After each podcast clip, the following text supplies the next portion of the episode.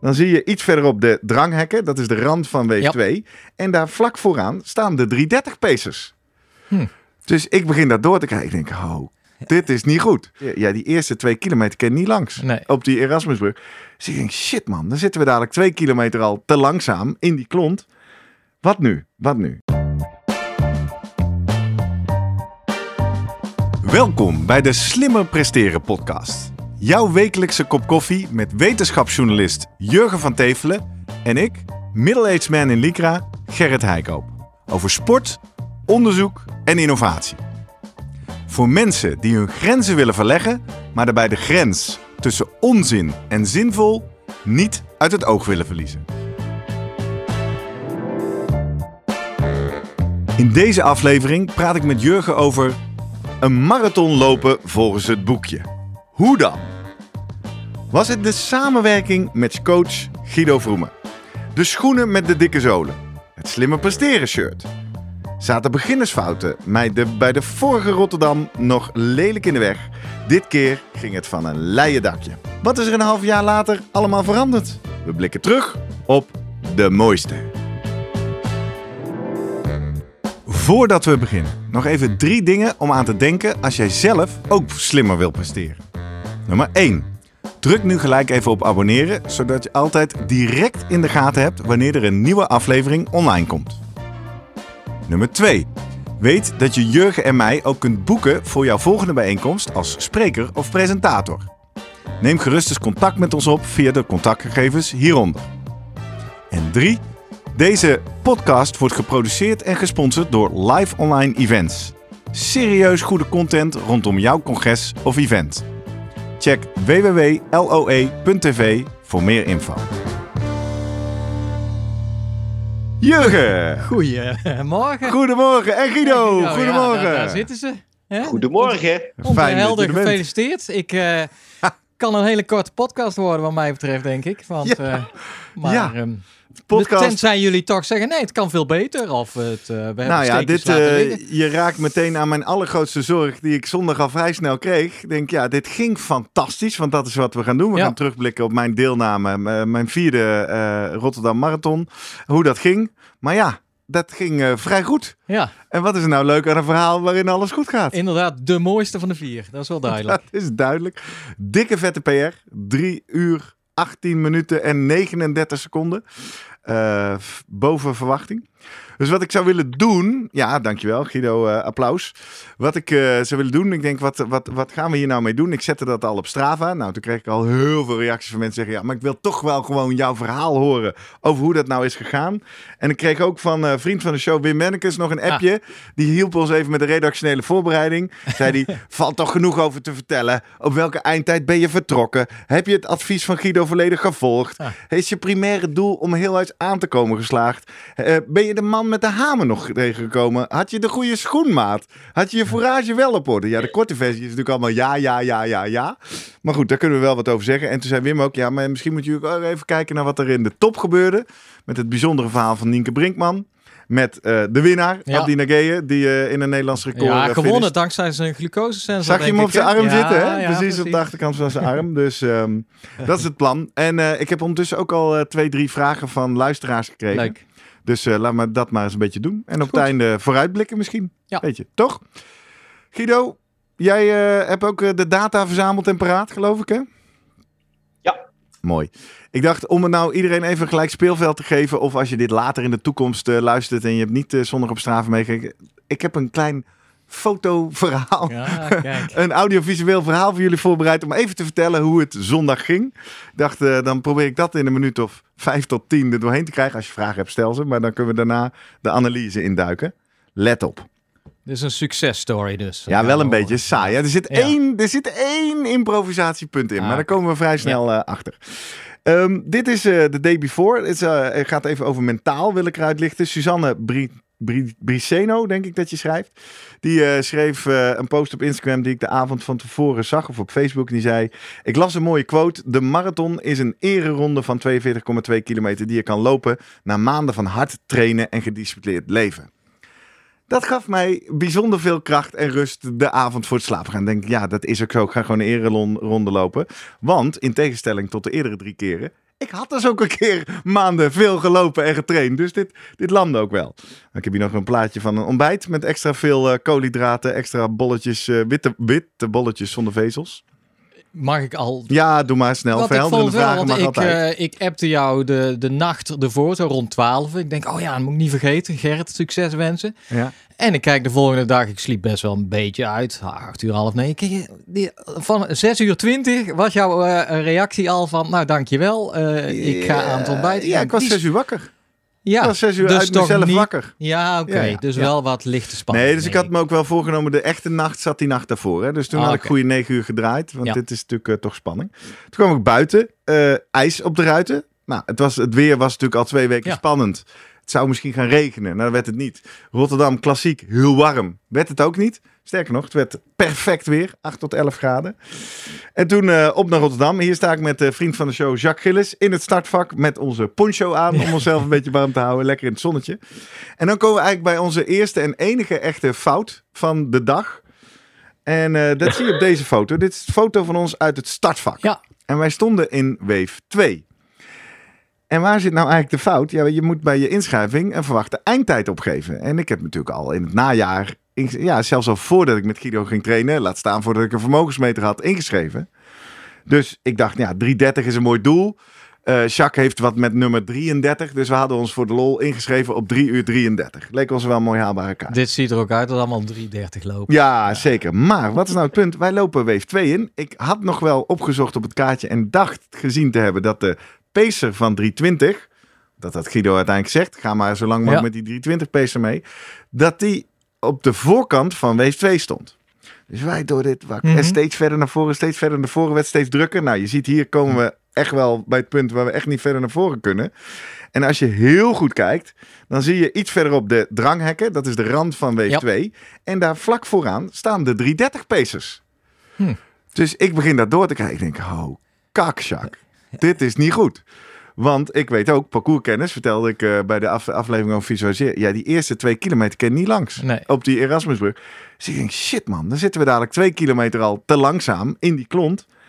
Wat nu? Wat nu? Ik zei, oké, oké, improviseren. Nou, hier kwam het oplossingsgericht vermogen. Hoe dat werkt, 10 uur gaan de troppers weg, weeg 1, wave Ja. 1. Vervolgens gaan wij zeven minuten later. En in die zeven minuten wordt dat hek open gedaan. Dan kunnen wij oplopen naar de voorste startstreep. Daar kom je nog langs een Dixiedorp. En ik moest nog wel een beetje plassen. Dus ik zeg opeens, Jacques, Jacques, kom. We gaan nog even een keer pissen. Dan laten we die 330 groep weglopen voor ons. En dan gaan we daar wat achter starten. En dan lopen we er rustig naartoe. En dan over een paar kilometer als het breder is, kunnen we er langs. En hier vond ik een foto van de organisatie. En als je, je, het is een zoekplaatje, een hele volle foto op de Erasmusbrug. Maar je ziet hier de 340 Ja. lopers. Wij stonden namelijk lekker te plassen. We waren niet de enige. Dus we moesten even in de rij. kwamen opeens de 340 lopers langs. Dus ik denk, kak, hier moeten we nou niet Nee. hier weer achter komen. Dus wij snel in het vak daar nog voor gesneakt. Als je goed linksboven in de foto kijkt, zie je Ah, daar twee hem, ja. witte, slimme Ja. shirtjes. Ja, ja, Ja, daar gingen we. Dus eh, de Erasmusbrug op. En eh, ik heb hier eh, de data. Zullen we straks Guido misschien Maar nog dit gaf niet een beetje paniek. Dat je denkt, komt dit wel goed? Dit Nee, maar ik vond het wel kosten. goede. Ik Dit- vond, ja, wel Ja. heel even. Maar ik vond het wel een slimme Dit oplossing. had je dus ook, ook kunnen visualiseren, hè? Ja, nou Eigenlijk. en iets beter voorbereiden. Gewoon Ja, inschrijven dus- op de goede tijd. Maar, ik zal jou zo vertellen, kom je zo achter. Dit was een blessing in disguise. Ah. Want eh, hier heb ik eh, in beeld voor kijkers op YouTube, hè, voor de mensen die luisteren, zal ik het uitleggen. Je ziet de kaart, je ziet daaronder een grafiek van de hartslag en het wattage. En er zijn eigenlijk drie interessante pieken in het verhaal. En die eerste ligt hier helemaal vooraan. Ik heb dat nu lichtblauw gemaakt en je ziet dan ook waar in het parcours dat is. Dat is zo op eh, tussen 3 en 4 kilometer. Dit is namelijk richting eh, de Kuip, waar het breed is. Waar Sjaki en ik over het fietspad langs dat 330 peloton gingen. Dus dat fokte ons natuurlijk wel wat op. Dus je ziet daar wel de hartslag wat eh, omhoog kruipen al. Maar daarna zie je hem mooi wegzakken. En eh, zijn we gewoon heel lang vrij uneventvol gaan lopen. Was heerlijk. Lekker gelopen. Tot bij eh, kilometer eh, 19. Dit is een eh, video die jij al gezien hebt, Jurgen. Ja. Die werd rondgeappt bij de UATT. Uiteens, eh, opeens, ik had hem niet verwacht. Vriend van de show, Remco Renes. Gerrit! Remco, tof dat je bent, jongen. Thank you, hè. Ja, dit zijn, veel, dit zijn filmbeelden. Dit is, dit is live verslag voor de. Nou, we zijn lekker onderweg. Mooi lang beetje, hè? Heb je nog een eh, slimme tip voor de podcastluisteraars? Genieten! Lekker lopen, goed eten We gaan weer genieten. Ja, je weet het, hè? Negatieve split. Je zit in een goede groep. De kopperlopers zijn wel voorbij. Ja, ik ga zo... Hou vol! Nou, dit was grappig. Dit kon ook nog wel. Hier was wel iets interessants. Ik heb normaal altijd mijn woordje klaar. En nu niet. Hmm. En wat ik maar wou, ik merkte, ik was wel echt gewoon bezig met Ja, de ja. marathon, pacen, Ja, eh, doorlopen. Ja, ik was echt wel gefocust. Twee dus dingen moest- die mij opvielen. A, je zag er wat bezweet uit op de een of andere Ja, er zijn net daarvoor sponsor Ah, geweest, hè? Dus dat, dat, zijn dat sponsors. ondershirt had je al opgerold. Ja, dat was en mijn die plan. sokken. Ja, hoge Sinds sokken. wanneer heb jij hoge sokken? ja, Ja. ik denk... eh, Eh, coach, ja, misschien moeten we daar dan Ja. heel even... Leert hij nou niks van die hele slimmer presteren podcast? Hij koopt vermogensmeters, weet ik het wat allemaal. Eh, Ja, we hebben natuurlijk een aflevering gemaakt over compressiekleding. Waarin jij wetenschappelijk hebt aangetoond dat veel hardlopers ze aan hebben, maar dat ze niks doen tijdens de tijdens niet. Nee, Nee. na aflopen hoogstens kan je doen. Ja. Ja. En ik heb Ja. toen al bekend dat ik hoge sokken heb. En toen zei Guido al, ja, maar er zijn geen compressiekousen. Dat is waar. Dus Guido, misschien leuk om jou even in het verhaal te brengen. Waarom had ik toch mijn mijn hoge sokken aan, wat geen compressiekousen zijn dus? Want ze waren iets losser. Ja, daar zat natuurlijk een stukje eh, gevoel bij. Eh, ehm, Koppie, hè? Placebo? Ja, ja, Als het eh, goed in het koppie werkt, van ja, ik, denk, ik vind het toch prettig om dan een beetje om die kuiten heen. En het was al een beetje een zwak punt natuurlijk, die kuit. Dan denk ik, nou, dan wordt, blijft het een beetje warmer. Ik zeg, nou ja, dan moet je het gewoon doen. Ah, Weet je, als je daar een goed gevoel bij hebt, dan doen we dat gewoon. Hey, dus dit moet jou goed doen. Dit is Ja. sporten op gevoel. Dit is heel goed, want ook zelfregulatie. Dus of, eh, Gerrit is ermee gekomen. Die zei, Ja. hey, heb je nog een tip eventueel voor die kuit? Die, die bang dat die Nou, opspeelt? of, d- even eh, dan een stukje terug. In de voorbereiding gaan we zo wel dieper op Ja. in. Maar zat ik natuurlijk vlak tegen een blessure aan. Ja. Uiteindelijk bleek dat eh, de, de binnenste kuitspieren niet goed ontspanden. Dat straalde uit naar de Achillespees. Eh, eruit kunnen fietsen, eruit kunnen lopen, wat volume terug. Alles onverhard gaan doen. En dus wel regelmatig die kousen Ja. En inderdaad, ja, dan voelt hij gewoon ingepakt. En dan denk je, ja, dat is wat warmer, dat is goed doorbloed. Dat is Ja. vast goed voor zo'n Maar spier. nogmaals, geen echte compressiekousen. Nee, want die heb ik inmiddels ook. Ja. Sinds oktober. Die ben ik toen daar gaan halen. En die, die zitten echt strak. Aha. En dit zijn gewoon, ja, dit zijn wel Stocks Energy Socks, niet gesponsord. Maar die, die claimen compressiekousen zijn, maar dat, dat zijn ze niet Dat strak zijn genoeg ze voor. Nee. Ja, Oké, mooi. Placebo-kousen, super. Placebo-kousen, ja. hoor, 100 nou, gaan we verder. Komen we terug op de Erasmus. Wat een plaatje dit, Ja, zeg. dit is een mooie foto. Ja. moet je maar even op YouTube gaan kijken als je nu luistert. Maar we zien een luchtfoto van de Erasmusbrug, volle stroomlopers. Wat ik bijzonder vond aan dit moment, want wat ik zeg, het werd ook relatief uneventvol. In de zin, we waren gewoon aan het lopen, we waren lekker aan het pacen op dat vermogen, ik was goed aan het eten.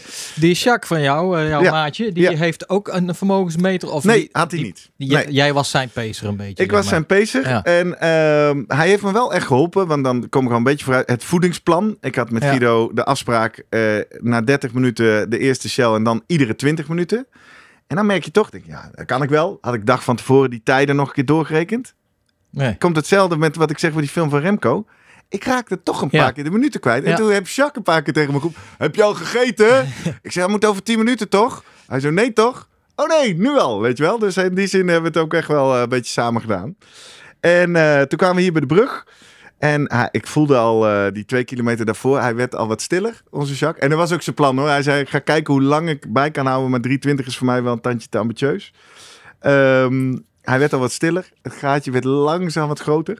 En toen kwamen we bij die, bij die brug. En ik heb, ik heb hier, nou ik denk dat het anderhalf kilometer is of zo. Ik heb echt anderhalve kilometer met fysiek kippenvel gelopen. Ik Mm. kon het, oh, hier zie je Jacques nog net erachter zitten. Hè? Daar, eh, daar is Ja. nog wel in de buurt.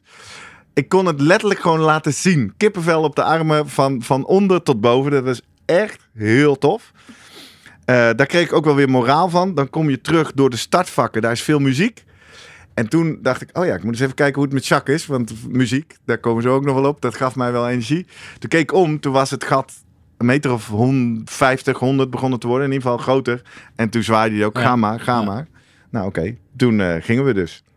Eh, Wat Jo- heeft hij uiteindelijk gelopen? ja, hij had nog nooit onder de 4 uur gezeten. En hij ging dus op 3.29.50. Dus hij was Oh, heel blij met zijn sub 330. Ja. Ja. En nou, hier komt dan eh, deel 1 van de Blessing in Disguise. Wat heb nou gebeurde? Nou, hij zakte natuurlijk wel in. Klassiek, Kralingse Bos. Ging naar boven de 5 minuten. Maar wij hadden natuurlijk ons schijntje gedaan. Dat we een minuut achter de 330 paces waren gestart. Vervolgens die gasten ingehaald en we liepen er ver voor. Dus hij vertelde, in de laatste anderhalve kilometer wordt hij ingehaald door die Opgeslokt 330 door, paces. ja, en denk heerlijk. hij, wacht even, hier Ja. heb ik nog een minuutje op. Ja, Als ik nou hierbij aanklamp, dan ga ik sub 330. En dat pakte voor hem zo uit. super. Ehm, de blessing, ja, die ga ik zo vertellen. Eerst de tweede piek in de grafiek. Die eh, zie je wel. Ja. Dat is eh, ook, eh, heb ik even gemarkeerd. En dat is dan de Boezemstraat Ja. in Rotterdam. Ken je die? Ik zag wat voorbij komen op laatste, de socials. ja, laatste rechte stuk richting het befaamde rondje Kralingse Plas. Ja. Eerst al kom je onder de eh kubuswoningen door op de Mariniersweg. Nou, dat is, ziet er al een beetje zo uit. Aan twee kanten rijen dik mensen. Vervolgens de Boezemstraat is dat nog een tandje gekker. En ik dacht, ja, dit, hier krijg ik nog steeds kippenvel van. Ik heb even wat op Twitter en Instagram wat eh, bewegend beeld Ja. opgezocht. Eh, dit is hoe dat is. Even kijken. Audio uh, ik denk, Oké, Rotterdam, je gaat springen! Het is één groot volksfeest. De mensen die nu luisteren, de hele straat staat te springen. En dan komt nu even later in dit filmpje, want dit is niet waar, waar ik zat. Kijk, deze pacer, dat is een beetje een slecht beeld. Er komt een pacer van 5 uur aan. Kijk hoe die gast ja, erbij loopt. Handjes in de lucht, springen, rondjes. Nou, dit heb ik in mijn eerdere edities ook wel eens mensen zien doen. Daar droomde ik van. Dus toen ik eenmaal daar was, kon ik het niet laten. Ja, kijk. En het mooie is, je krijgt dan ook een wisselwerking met het publiek. Het publiek vindt het natuurlijk ook leuk als mensen dat doen. Dus die hele straat ging nog een keer los. Ik heb voor de volledigheid op Twitter eh, de verslaggever van Rijnmond gevonden. Die op de motor zit. Dit is wel in de buurt van de laatste loper. Maar dan krijg je even het perspectief hoe het is als je daar tussendoor loopt. En het mooie is, hij heeft natuurlijk een camera, dus mensen gaan daar wel op aan. Maar je hoort dadelijk op het einde van het filmpje ook wel echt die aanmoedigingen schreeuwen. Dat is wel echt hoe het is. Oh ja, en een extra hindernis, confetti. Realiseert dat zich niet iedereen. Schreef Marco Vink op Facebook. Je moet ook opletten dat je niet met je mond open lacht naar de confetti gooiers. Voor visualiseren. dan. Ja, precies. Dit is, ja, dit is was het, Alpe was toch? dit erger dan, eh, erger in de positieve zin, dan de jaren ervoor? Wordt het, eh, Nee, ja, volgens mij is het sowieso hier in de Boezemstraat is het altijd Ja. zo. En op de Mariniersweg ook. Daar stond die jongen natuurlijk die bij Jinek eh, in Ja. beeld was. Die heb ik ook gezien, ja. Daar komt een mooie aanmoediging. En dan hebben we het... eh, het is carnaval, joh. En nogmaals, dit is wel inmiddels vier uur 's middags. Hè. Dan staan die mensen al een tijdje. Ik was hier drie uur eerder. Ja, dit. Dit heb je dus de hele Ja. tijd, hè. De hele weg. Nou ja, dat gaf dus eh, een enorme boost het bos in. Eh, maar wel dat ik dacht... Oeh, eh, ik liep opeens, opeens voor het eerst in het rondje te hijgen. Hmm. Waarop ik natuurlijk ja. even aan mijn coach Guido moest denken. Dat ik denk, goh, ik zal toch niet hier een te groot hapje uit mijn anaerobe tank hebben genomen. maar nou ja, ik ging, eh, ik ging maar even rustig temporiseren en eh, tempo zoeken. En toen kwam ik achter de tweede blessing in the skies. Ik liep daar in dat Kraankse bos.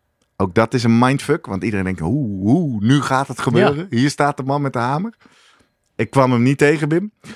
Sterker nog, ik kwam erachter, holy blaf. Die haal ik in, die haal ik in, die haal Ja. ik in. Ik ben hier de snelste man op het asfalt. Ja. Ik was alleen maar aan het inhalen. En dat komt natuurlijk ook omdat ik relatief naar achter, hè, bijna 20 minuten achter, bij de Pacers 20 minuten achter mijn eindtijd heb gezeten, kon ik naar voren blijven lopen.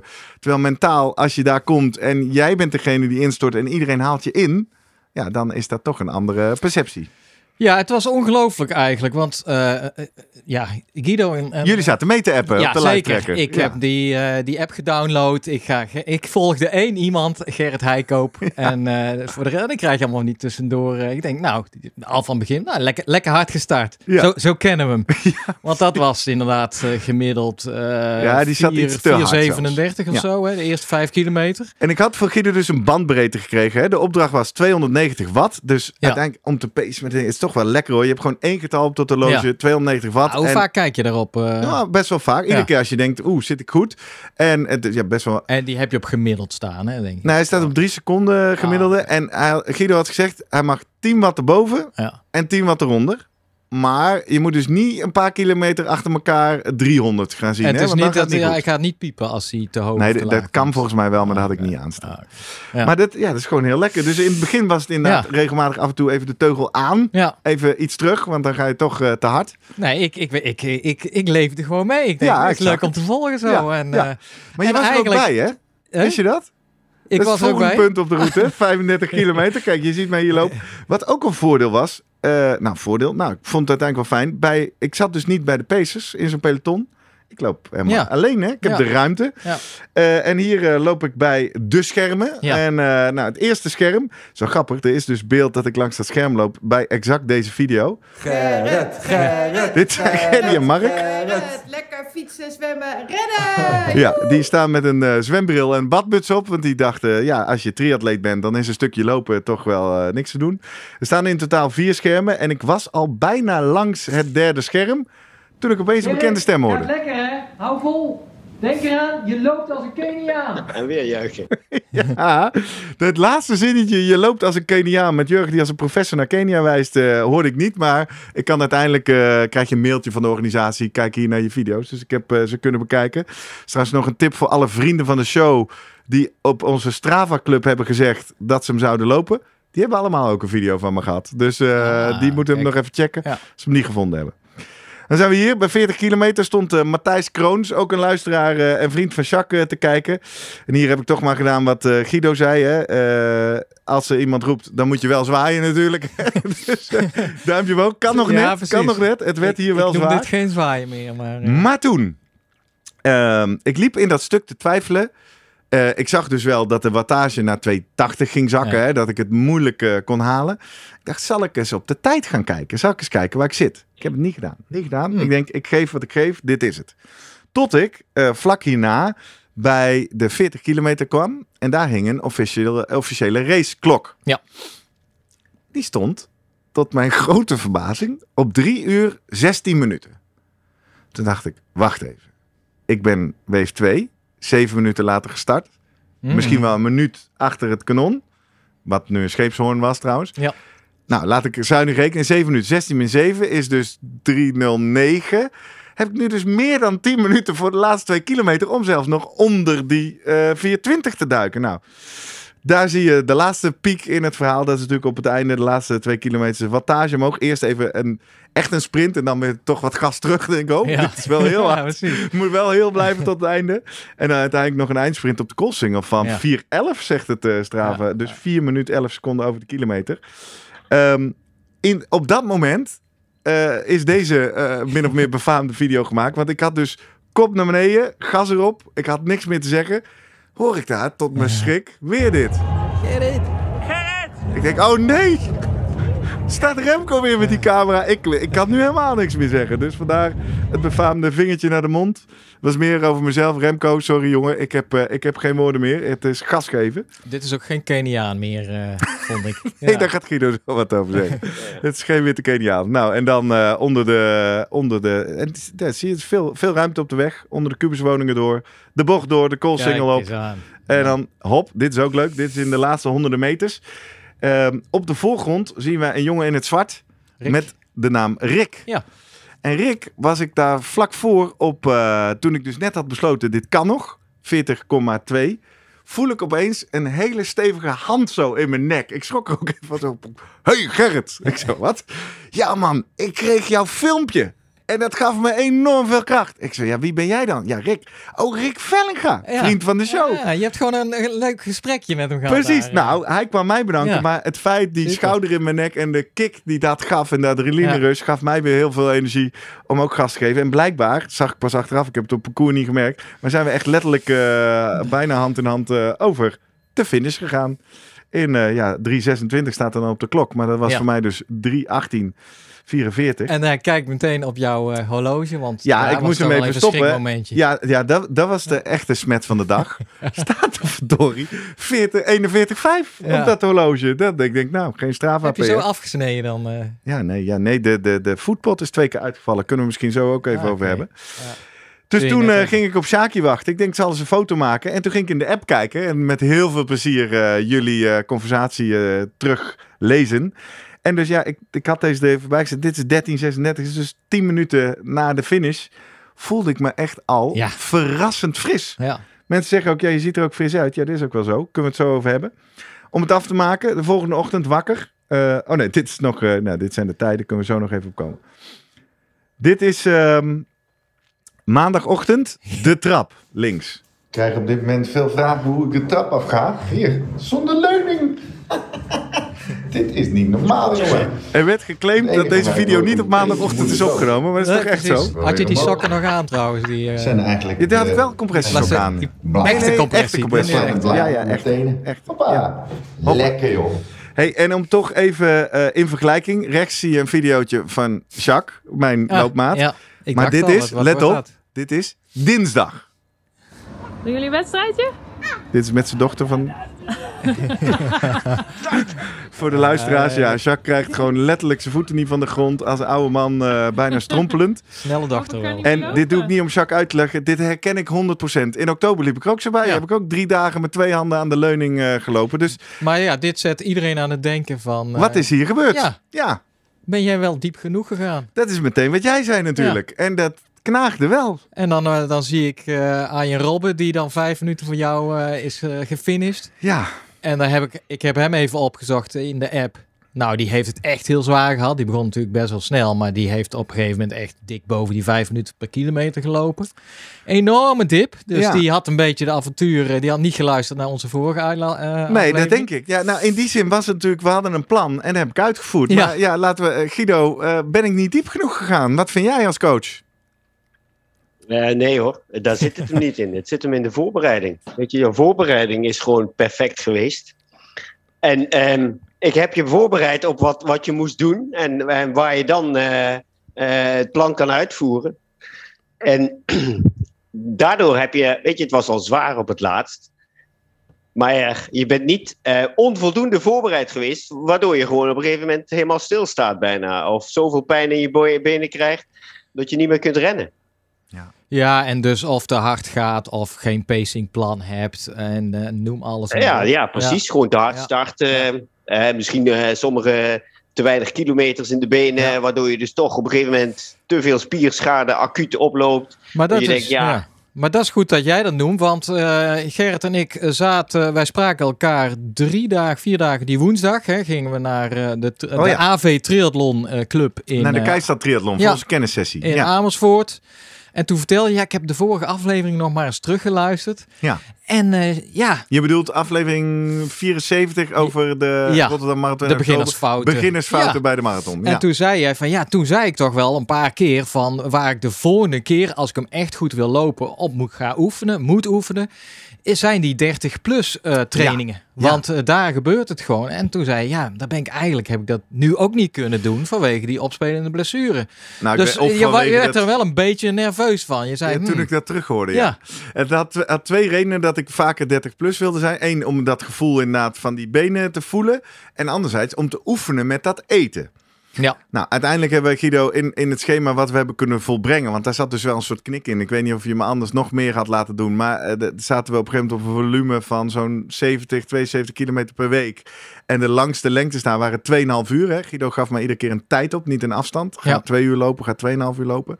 Daar liep ik dan een kilometer of 4 tot 26 in. Dat voelde al wel, daar moet je alles al doen. Hè? Dus dan moet je al eten, daar moet je over nadenken. Dus dat, dat was de baas. Maar dat was inderdaad geen 30 Nee. plus. Ik heb toen uiteindelijk, toen die bijna blessure of blessure ging opspelen, een aantal dingen omgezet naar fietsen.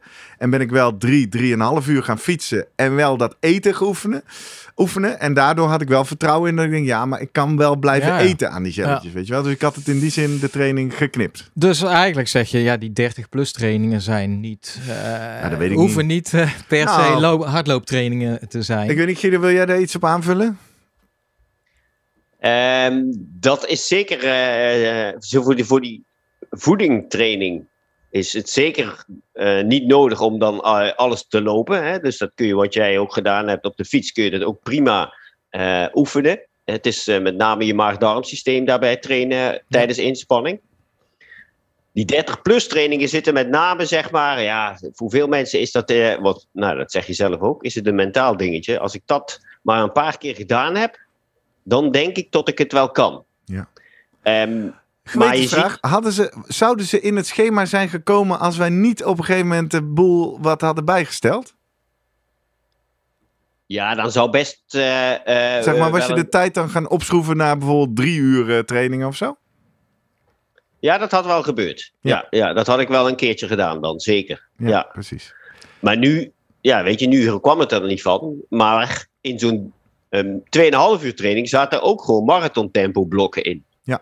Hè, om te wennen aan het tempo wat je dan gaat lopen. En dan 20 of 30 minuten blokken. Wel dat tempo lopen. Ja, en dan vaak in het tweede uur ook, hè? Dus dan was de training vaak zo Ja. wel eerst een uur Dus- rustig lopen, vermoeidheid Ja. opbouwen. Aha, en dan nog en dan een keer tempo. sneller. Ja. Want, eh, en, maar dat waren dus al tempoblokken op die 4,37 of 4,40. Dat is een beetje, denk ik, per Ja, de vermogen, hè? Op zijn twee, Op zeg maar, op zijn natuurlijk, eh, ja. Ja. 280, Ik zit, ik 290. zit nog heel ouderwets natuurlijk. Ah, oké. Ja, je leert het wel een keer, Ja. hoor. Komt wel goed. Op 290 watt. Ja. Ja. Rond die cruise, ja. Oké, dus... En dat is ook wel weer grappig, want eh, ja, en ik hoef hier niet fanboy van vermogen te worden, maar omdat toch ook die strijd geeft waardes. Op een gegeven moment kom je erachter dat de kritiek, eh, pff, critical point, nee, dat zoek ik niet. Power. Critical Power. power, ja. Eh, hadden we het vorige week over dat die rond die 320 ligt, 320 watt. Ja. Dan is 290 watt ook best nog wel rustig, hè? Is wel Ja. door, maar dat is niet dat je denkt, oi, oi, oi, wat is dit hard? Ja, precies. Is die Dat niet? moet ook. Weet je, je moet het een marathon volhouden. Dus je moet Ja, niet ja. denken van... Nee. En, jij, en, en Gerrit ging op zich voor een, een, een fijne, snelle tijd met een goed gevoel. Maar als hij een toploper in jou, eh, eh, bij jou was geweest, dan had je waarschijnlijk hem wel wat eh, op een hoger vermogen nog weggestuurd, zeg maar. Nou, nu zaten we een beetje, ehm, zeg maar, met de bovengrens op 320 en de ondergrens op 330. En dat kwam met name omdat dat voor Gerrit een beetje... 320 vond hij wel heel spannend. 320 watt heb je het nu over? Nee, 3, 3 uur 20. Oh, als 3 Ja, uur ja. 20. Ja, precies. Ja. Moet je even helder houden voor de Ja, luisteraars. sorry, ja, ja, ja, ja. Ja, eigenlijk hadden we dat een beetje zo. Als, Ja. als je. ehm 200, als je 290 in de buurt zou komen, dan, dan kwam ik een beetje uit op 3 uur 20. Nou ja, het is dus iets sneller geworden. Ehm, en 280 of, de, of 275, dan zou je richting de eh 3 uur 30 eh, zakken. En dat vond hij, weet je, 3 uur 30 was natuurlijk wel iets, daar wil ik boven blijven. Ja.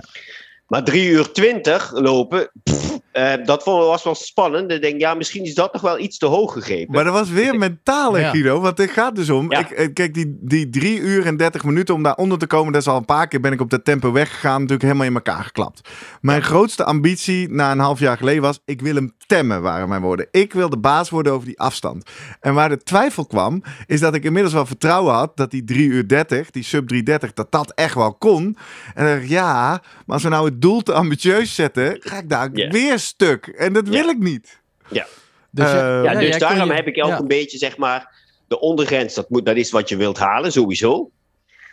En dan, eh, nou ja, dan, dan ga ik hem een beetje aan de bovenkant, zeg maar, begrenzen. We denken, als je daar gewoon onder blijft, dan ga je in ieder geval niet het risico lopen, als je daar, eh, je mag er wel even boven, wat ik al zei, maar niet eh, vijf minuten achter elkaar of tien minuten boven me- eh, 300 watt, dat je helemaal stuk gaat. Ja. En dat is een beetje, zeg maar, de, de, de ruimte die je hebt om in dat gebied een beetje heen en weer te eh, switchen van vermogen en daar binnen te blijven. En als je dat blijft handhaven, ja, dan ga je niet helemaal, dan ga je dus niet kapot. Ja. Nee. Nee, dus uiteindelijk eh, eh, ja, eh, kijk je ook naar een eindtijd. Dus kijk, stel dat jij eh, met 290 op eh pak een 290 watt weer, hè? Laten Ja. we even goed de Ja. eenheden blijven noemen. op ja. pa- 3,16 uitkomt. ja, 3 uur 16 minuten. Ja. Ja. Dan nog zul je zeggen, nee, dan gaan we iets lager. Of dan, want je, je, je loopt met een pacer mee uiteindelijk. Nee, niet dus uiteindelijk.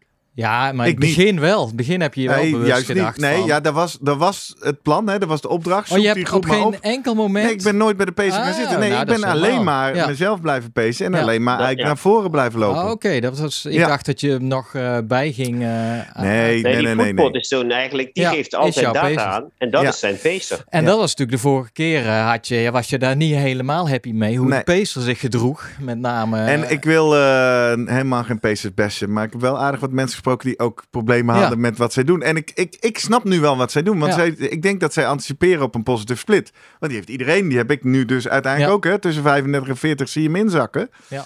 Eh, en ja, dat, dat, ja, daar hebben we toen ook uitleg van gekregen. ja. Van die, eh, dus ja. dat is ook logisch. Maar Ja. dat, als je dus daarachter gaat zitten met een verwachting...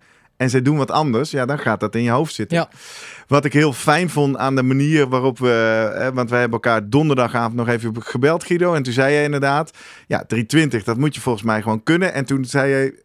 Hoeveel watt denk je dat je moet lopen om 330 te halen? Ja. En toen, toen kwam daar dus die 280 watt uit. En, en vanuit daar ook die bandbreedte. Dus Ja. zorg dat je hem op de 290 houdt tussen de twee- 280 en de 300 Ja. watt. Dus toen ik ging inkakken, voor mijn gevoel, en dat merkte ik niet eens. Wat ik vooral merkte, de RPE, hè, de, de, het voelde zwaarder. Het begon zwaarder te voelen. Ik had het idee dat ik me, mezelf de inspanning aan het leveren was, maar het voelde zwaarder. Ja. En ik zie in de grafiek ook de hartslag omhoog gaan daar. Dus dat klopt denk ik ook. Alleen dat wattage, dat bleef toch nog wel net op die twee- een- 281 watt hangen. Ja, ja. Waardoor ik dacht, nou ja, oké, het is wel langzamer dan in het begin, maar ik zit nog in de bandbreedte, weet Ja. je wel? En dat, dat was wel fijn. En, en al jouw trainingen, eh, want we hebben het natuurlijk een beetje wel over gehad tijdens het polarized versus pyramidaal eh, aflevering. ja. Jij hebt heel veel eh, eh, tempo-stukken gedaan op die 92 watt eigenlijk. Ik bedoel, dat voelde, zelfs als je niet op je horloge keek, wist jij wel, dit is het tempo, dit is mijn marathon tempo, laat ik het zo zeggen. Of moest je toch nog... Nee, ja, nee, zeker. Hè. Kijk, ik kan niet drie uur de hele tijd bijsturen. Ja. Dus, dus ik voel hem wel. Maar er gebeuren dingetjes onderweg. Eh, een viaduct, een helling, een Ja. groep, een, een, een, opeens een stukje met wind. Eh, dus, dus je bent toch wel de hele tijd aan het kijken. En wat ik zeg, in de eerste helft vooral om de teugel strakker Ja, te houden. ja. Ho, ho, ho, ho, ho. maar dan is, was dit totaal nieuw voor je. Eigenlijk ni- niks op tijd gericht ergens. Nee. Tuurlijk wel als, als tweede achter. Nee, nee, maar onderweg. Ja, en ik Nee. krijg dan iedere kilometer wel Ja. even die tijd. Dus op een gegeven moment kwam daar dus 5.00 en 5.02 uit. Eén keer heb je dat. ik heb twee mij, keer ja, inderdaad op ja. mijn klokje en vijf Ja. minuten gezien. dacht mm, Ja, ja. die wil ik niet. Ja. Eh, maar ja, dat ja, motiveert maar me dat is wel. puur ondersteunende info van ik ben goed bezig. Ja, ja. Ja, ja, kijk, hij heeft dat, dat gevoel van die 290, die kent hij wel. Dat Ja. is zeg maar wat we het eerder in een andere uitzending, die rondjes 30 rijden. ja. Wat van, eh, de de, de van de schaatser Poel, van de pool doet. Je Ja. moet toch in dat, eh dat die rondjes tempo, 30, eh, dat zit ja. in je hoofd.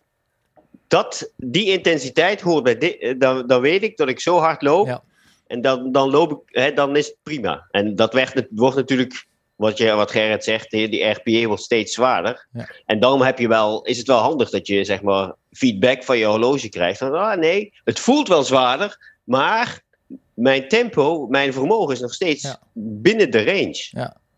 Het voelt in die zin, en het, eh, ja, jeetje, dit wordt één groot ik zei het je toch voor jou, Guido. Maar jij, in de aflevering over het lopen op vermogen stel je op een gegeven moment ook de vraag: hoe snel kun je aan de opdracht voldoen? En dat herken ik nu nog beter. Toen ging het over opdrachten in trainen. En toen zei ik, ja, maar ja, een interval lopen, dat kan toch wel. Maar je kan inderdaad makkelijker zeggen... hé, hey, er moet er wat, wat bij. Hè? Ik moet wat harder duwen om weer in die bandbreedte wattage te komen. Dan te zeggen, ik moet mijn, mijn tempo wat Ja, ja. verhogen, weet je Ja. wel. Of ik moet van 5.00 naar 4.50 gaan Omdat lopen. het ook van de omstandigheden... En nu waren die ja, omstandigheden en omdat alles in één getal maar, eh, gevangen wordt. hè? Het is gewoon gemak. Ja, Het is gewoon Ja. gemak. Het is gewoon één getal. Ja, Guido? En nou, weet je wat je ook, je zag jou, jouw eerste, wat je liet zien uit Training Peaks, vermogen en hartslag. Ja. Stel, je had nou op hartslag eh, gaan, gaan richten. Dan was je dus in dat tweede stuk een stuk langzamer gaan lopen, want je denkt van, Ja. kak, die hartslag gaat veel te hoog. Ja. Je Ja. moet terug. Ja. En Ja. dat is dus niet zo. ja. Nee, die Wat, blijft, wat die is niet zo? Ja, die hartslag gaat wel omhoog, Ja. maar je hoeft gaat dus wel niet omhoog, terug. maar je hoeft dus niet terug daarvoor. Nee. Weet je, je hebt ga- ook gewoon ruimte dat die hartslag best nog wel wat mag oplopen.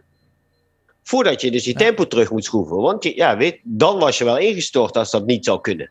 En ik als eh, traditionele liefhebber gewoon van gevoel, Ja. RPE. Als Ja. jij op je RPE was afgegaan. Hoe, hoeveel heb je gehaald in de schaal van 6 tot 20, zullen we maar zeggen? Waar zat je? eh, Ik Nou ja, heb uiteindelijk een 21. 9. Oh, ja, ik doe op Ja, schaal tot 10, hè? ja. Ik heb een 9 Ah. ingevuld. Oké. Maar dat Ja. is denk ik omdat ik in mijn hoofd heb, als ik 10 zou moeten invullen, moet ik echt crashen. Ja. Weet je wel, moet, Ja. het, moet het niet Ja. meer gaan. En dat was dit niet. Nee, maar nu was het dus dat je wel op die 9 ergens zat en denkt, nou, ga toch maar even op, dit voelt zwaar. Het wordt nu wel. En Het je keek toch wel op zwaar. je horloge en denkt, hé, hey, en toch, het is niet erg, want ik blijf gewoon mijn vermogen lopen. eh, Ja, nou, en ik wist dat feest, laat ik niet voor niks Ja. zien. Kijk, mijn, mijn zwaarste punt was, want die, die, dat rondje Kraakse Plas heeft drie zijdes. Door het bos, dat zegt iedereen dat ze het erg vinden, want dan ben je opeens de stad uit en zo. Dat vind ik het nog best wel Ja. mooi, ik hou van groen. Dan dat saaie, relatief saaie rechte stuk, de tweede zijde waar die schermen staan. Maar dat vind ik ook niet zo erg, want dan, dan weet je, zeker als je het al vaker hebt gedaan, dat aan het einde van de rechtstuk is een drankpost. Dus dan loop je een soort van naar die drankpost toe.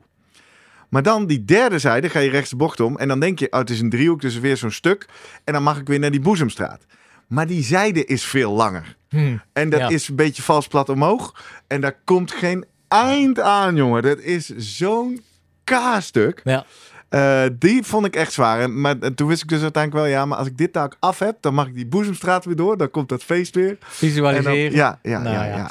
Hey, maar dus dan, ja, pacen is gewoon één ding. Dat is gewoon echt Ik wil er nog één ding aan toevoegen over Pacen. Dan gaan we ongetwijfeld Ja. naar een ander onderwerp. Ik sprak eh, deze week vriendin van de show, special guest Jacomina Eikelboom. Mhm. Ultra-atlete. Ga vooral luisteren. Aflevering 5 maakten wij met haar Ja, over haar Trans-Amerika triathlon. ga door. Ze gaat nu. Ja. Ze gaat 26 april vliegen.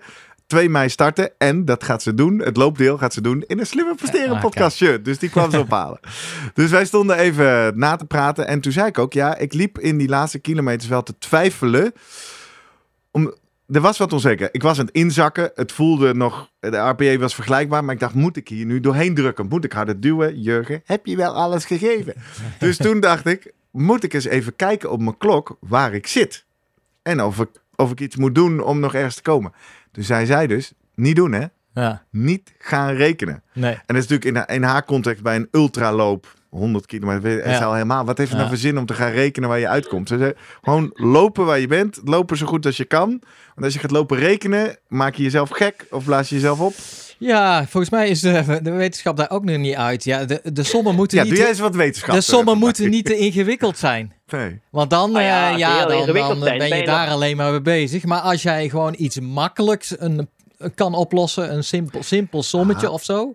Maar op het moment dat je Maar inderdaad moet rekenen gaan- aan je pace, hè? Dat je denkt, Ja. ik moet nu... Nee, dit- precies. Dat Nee. is al veel te ingewikkeld. Nee, Dat kan Behalve dus die Ja, laatste twee kilometer, die klok, ja, die heeft wel echt wat gedaan. En toen, ja. Guido, ik vroeg jou van de week al heel even toen we belden. Ik zeg, ja, maar als ik dat met die laatste twee kon en Jurgen indachtig, kon ik dat dan niet met de laatste vier? Ik bedoel, had, had- ja. nou, toch nog een keer de vraag van Jurgen. Ben ik diep genoeg gegaan?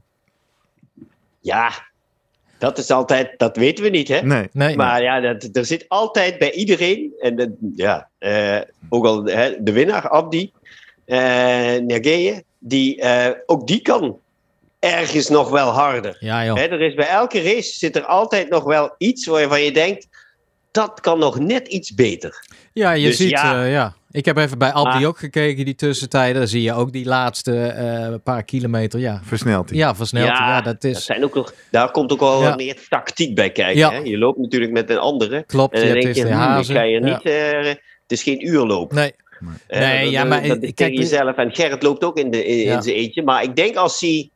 Kijk, die twee kilometer, dat is een stuk van ongeveer... Nou ja, hè, minder dan 10 minuten.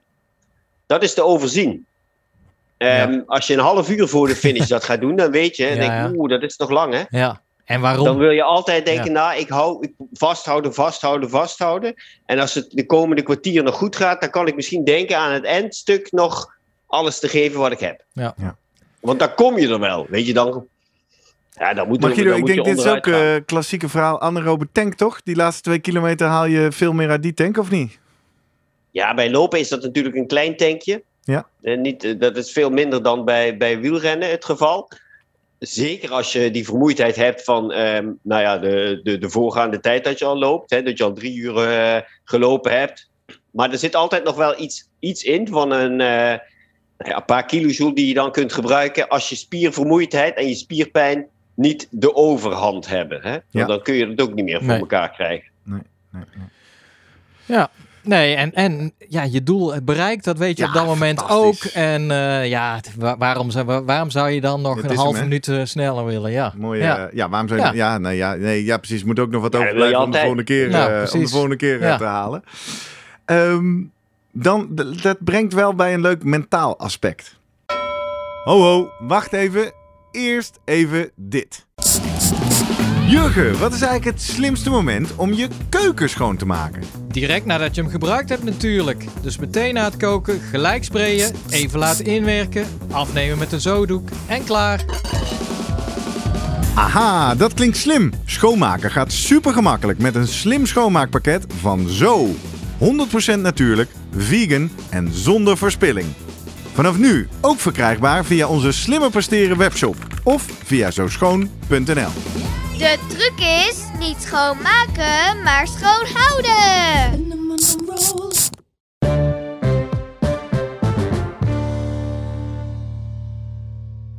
In de aflevering over de marathon van oktober vertel ik een aantal keer dat ik een aantal keer zeer emotioneel was. Ja. Dat is wel anders. Als je gewoon een plan hebt wat je uitvoert. Ja. Wordt het toch iets Oh. projectmatig. Hè? Het klinkt een beetje alsof je het niet zo leuk vond verder. Of, ik eh, vond het hartstikke leuk. Ik vond Ja. het een fantastische dag. Ik ben Ja. super trots. maar geen maar ik dacht, nou, gaan we nu huilen? Nee, Ja, nee, nee. niet eens bijna. Nee, het was gewoon zo. Ja. Hè, gedaan. Ja, jeetje. Maar dat komt ook omdat je niet helemaal kapot bent. Ja. Dat klopt. Ja. Als je echt zoveel vermoeidheid hebt en je komt dan bij de finish, dat maakt dat veel meer los Ja. dan dat je er aankomt. Je hebt, je hebt, weet je, je hebt eh, eh, het beste uit jezelf gehaald, maar je bent, ja, je bent niet helemaal kapot eh, Nee. tot op het. tot, ja, weet je, dat je helemaal niks Nee, maar dat is meer kunt. uiteindelijk ook natuurlijk Ja. het, het plan, toch? Van het Ja. pacingplan, de critical Ja, ja, power. Zou je, we zouden nog een uur door kunnen als het zou moeten op dit tempo. Ja, Misschien. nou ja, precies. Dus dat scheelt natuurlijk ook Ja. in, in de emoties bij de finish. Ja. Dan overheerst eigenlijk de blijdschap natuurlijk dat je dat gered hebt. Ja. En ehm, da- dan is het niet zo eh, enorm eh, eh, overwhelmend dat, dat, dat je helemaal gaat Ja. in tranen Ja, dat herken ik heel erg. Na mijn tweede marathon had ik het tegeltje voor mezelf. Het gaat niet om de tijd, het gaat om de strijd. En dat is natuurlijk in de eerste ben ik dat ook tegengekomen. Dat je inderdaad dat, dat eigenlijk alles zegt, het gaat niet meer. En dat je moet verzinnen hoe je daar doorheen komt. Dat is ook een mooi avontuur. ja, En dit was heel anders. Dit is gewoon een plan en dat voer je uit. dit is natuurlijk... Ja. Nee, maar ik zat ook te denken, we hebben natuurlijk ook nog gepraat over hoe levensgevaarlijk die hele marathon Ja, dan we wel niet is, et cetera. Nou ja, Ja. Kijk, jij laat nu zien eh, dat het eh, ja, verre van dat is. Mits goed voorbereid, Ja, mits, goed, voorbereid. hè? eh, en dat is dan eh, misschien een paar lessen die we dan nog in deze moeten stoppen. Ja. Ehm, ik ben wel achter iets gekomen. Ik, ik trapte net af met die quote van Suzanne over Ja. het is een Ereronde. van 42 kilometer. Dat herken ik opeens. En ik zeg bewust opeens, want mijn eerste drie marathons ben ik natuurlijk op basis van een sportrusten 14 kilometer schema. De laatste zelfs met nul schema en niet Ja. trainen gegaan. En wat ik eh, opeens mentaal merkte, wat een groot verschil daaraan is, is dat als je relatief weinig traint, dan is die marathondag ook de grote dag Ja. waar je iets heel geks, bijzonders gaat doen wat je nooit gedaan hebt. Terwijl nu was ik al maanden knijterveel aan het lopen. Ja. Ik zat uren hier in die bossen, 2,5 uur lopen. Ja, prima joh, Ja. doen we morgen. Ja. Dus het was in die zin veel meer just another Sunday. Dat was het natuurlijk niet.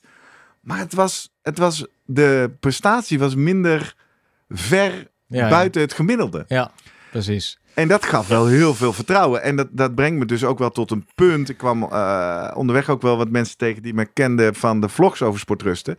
Ik denk dat sportrusten een prachtige methode is om van de bank af te komen aan het lopen te raken. Mensen die eh, niet veel lopen, moeten dat vooral zo doen. Je gaat wennen Ja. aan vier keer in de week trainen. Je gaat wennen aan eh, heel rustig trainen, Ja. wat harder trainen. En daartussenin... En je hebt dan de marathon als, als een soort doel, zeg maar, van om dat in het achterhoofd te houden. Ja. Maar ja, dat. Maar eh, ik ben inmiddels wel eens met de criticasters dat het geen methode of aanpak is om een goede PR te lopen. Nee. Of om een snelle marathon te lopen. Of Ja. om een Ja. beheerste marathon te lopen. Guido, ik zie je heftig eh, knikken. Ja, ja, nee, klopt. Weet je, het is geen, dat schema is eh, prima voor mensen, zeg maar, om ze actief te krijgen, om ze een, eh, een leidraad te geven om, nou ja, ik wil die marathon lopen, ik heb geen idee hoe ik dat zou moeten doen. Ehm, qua, te- eh, qua, qua trainingstijd, ik heb, ben heel beperkt. Ja. Maar ja, weet je, ik wil het toch een keer lopen. Maar dat wil niet zeggen dat dat. eh, het, eh, ze moet, je moet niet pretenderen dat dat ook je gaat leiden tot je allerbeste tijd die jij in je hebt. Nee. Hè, daar heb je gewoon andere dingen Ja, voor nodig in je voorbereiding. die- en dan ja. moet het gewoon veel, eh, ehm, veel beter in elkaar zitten. Meer omvang, meer tempo's, et cetera. Dat soort dingen. Wat wij nu gedaan hebben. Ja. Dan ga je je grens opzoeken. Ja, precies. Maar die claim leggen zij denk ik ook helemaal die leggen niet. ze ook niet, maar, Maar, het lijkt natuurlijk af en toe zo, omdat een van de twee auteurs, hè, Ja. eh, Stans van de Poel heeft het bedacht, Koen de Jong heeft Ja. het opgeschreven en uitgevoerd. Ja, daar komen we dit weekend ook achter. Dat is gewoon een topatleet. Ja. Want Koen eh, kwamen we weer tegen in de aflevering over vermogen. Die is zondag weggegaan op twee. Dat begrijp ik ook niet, Guido. Dat zal hij wel heel licht zijn, maar die moest weg op 275 275 watt. Ja, ja. En die ja. loopt Ja, dan twee, ja, heel klein mannetje toch? twee, is eh, een kleine licht. ja. 34 Dat scheelt. minuten. Ja, was echt een witte Keniaan, eh Gerrit. ja. Precies. Ja. Ja, ja, Gefeliciteerd Koen als je Ja. dit hoort. Ik vind het een top PR. Maar dat maakt dus wel, daar hebben wij het vaak over gehad. Je moet opletten wie een boek schrijft. ja. Maar En hij wat- heeft toch, hij zelf toch ook op een gegeven moment gezegd: ik ga het nu anders Jawel. doen. Ik ga van mijn sportrusten af. En, ik En ga toch ook de eh, nuance voordat we daar ja. boze tweets en mailtjes krijgen. Ik zit hier niet te zeggen dat sportrusten niet Nee. goed is. Het is een fantastisch programma wat we al bij zeggen om van de bank Ja, ja, te komen. Daarvoor zit jij nog hier, want ooit begonnen daarmee. Exact. En, eh, het heeft mij eh, verslingerd geraakt aan die marathon. ja. Ja. Nee, dit is, weet je, het helpt mensen die, die zeg maar als doel hebben: ik wil die marathon gaan lopen. En ik, eh, op een bepaalde manier wil ik daar naartoe werken. En ik wil niet geblesseerd raken, wat ze dan ook zeggen. Door in de voorbereiding vaak Te veel te geblesseerd raken, ze veel moeten doen. Ja. Nou ja, dan ga je dat eh, rustig proberen op te houden. Ben je in ieder geval een beetje gewend aan het lopen. En dan moet je op één dag moet je ineens, nou ja, dan moet je drie keer zoveel lopen dan eh, je ooit gedaan hebt. En dan moet je dan proberen doorheen te komen. En daar mag best af en toe wel wat wandelen tussen zitten. Ja. Ehm, maar dan kom je er ook wel. Ja. Ehm, en, en wat wij gedaan hebben, dat is echt gewoon voor nou ja, mensen die ook wel meer ervaring hebben met lopen. En die hun, eh, eh, hun grens gaan opzoeken van wat kan, hoe hard kan ik nou lopen als ik me goed voorbereid op, op die marathon. En, en de andere kant van het verhaal van sportrusten is ook waar. Wij zaten ook op een gegeven moment zes weken voor de marathon bijna tegen een blessure aan. Hè? En dat hebben we natuurlijk Ja, kunnen ja, bijsturen.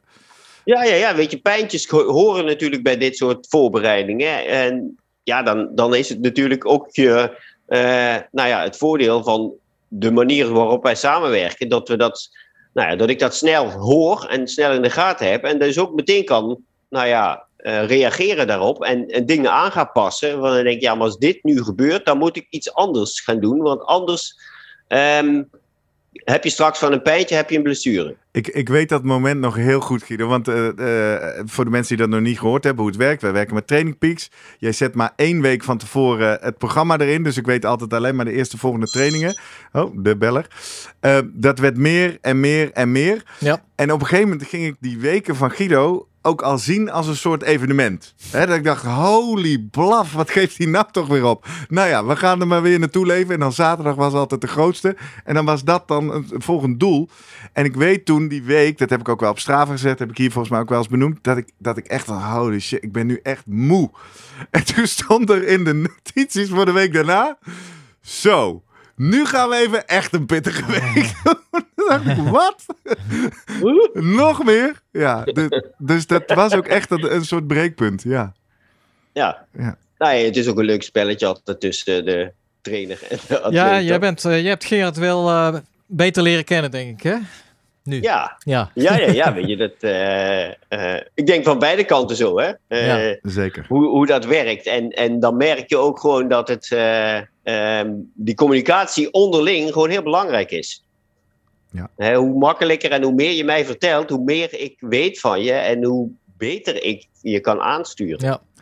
Zitten er, wat jou betreft, Guido, nog andere lessen in voor, eh, andere, voor mensen die nu luisteren of kijken? Dingen die ze kunnen nadoen, die ze vooral, ja, Ja, kijk, je moet sowieso, als je dus, hè, zoals we gewerkt hebben, niet iedereen hoeft zeg maar met mij te gaan werken. Of, ehm, want je kunt natuurlijk ook je eigen plan maken. Er moet wel een goede gedachte achter zitten.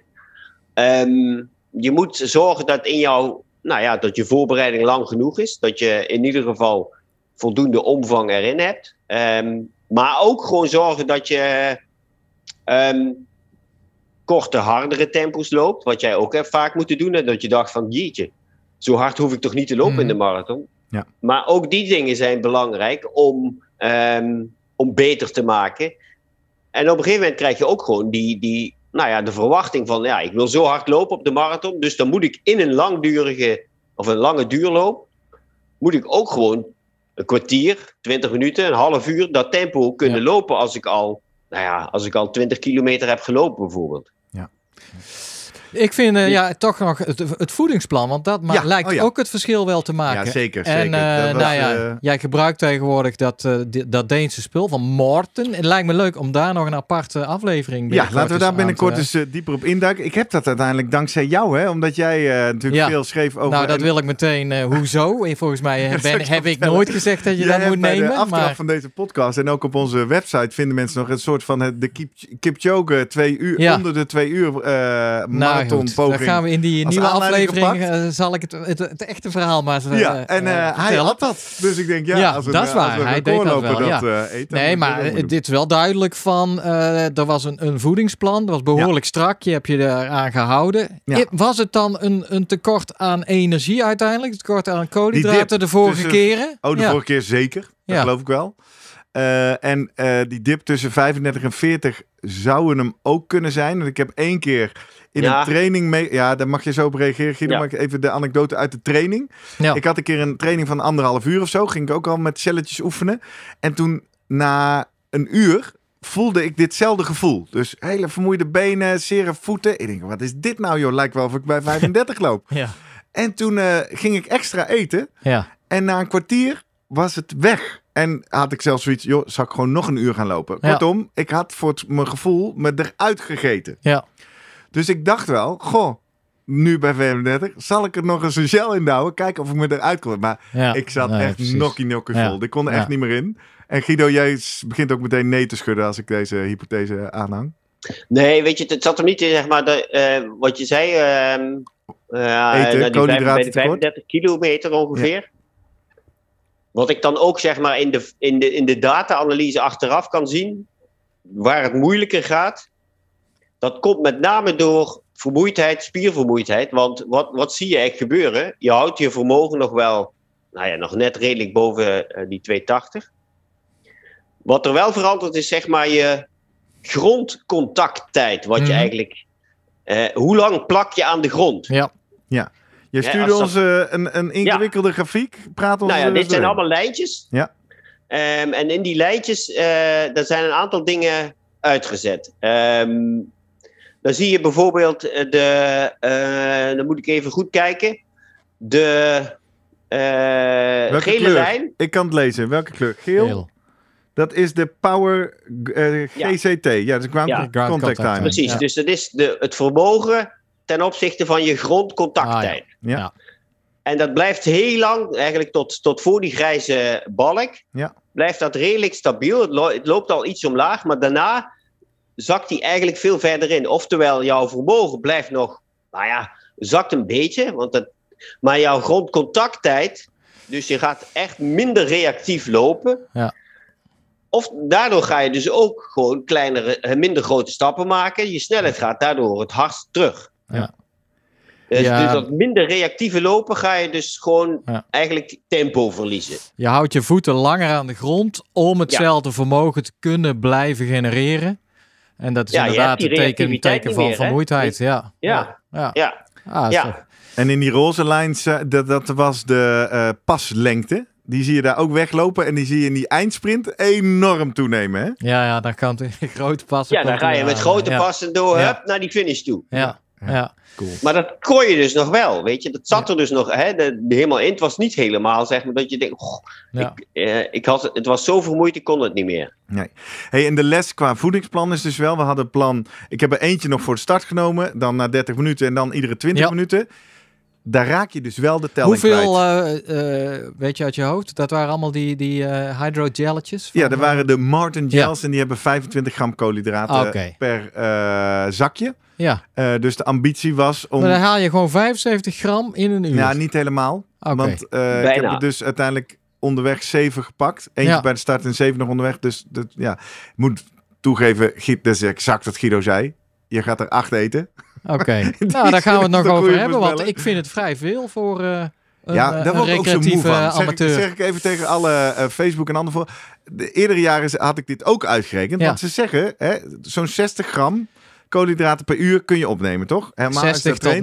90. Tot Maar- 90. Maar, als je dat traint. Ja, voor echte mensen die knetterhard lopen. Hè? Ja, die snap echt, ik.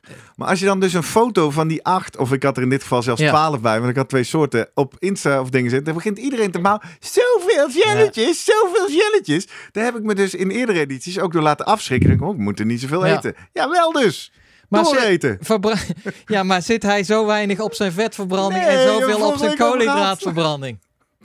Nou, daar gaan we het nog zo dat- even over je, hebben. Het is mentaal iets, denk ik. Nee, nee, nee. Weet je, op dat niveau, dan, hij loopt gewoon... Je marathon, zoals hij nu getraind dat is boven je aerobe drempel. Oh, Oké. Ja. Hè? Dus daar zit gewoon voornamelijk koolhydraatverbranding in. Ja.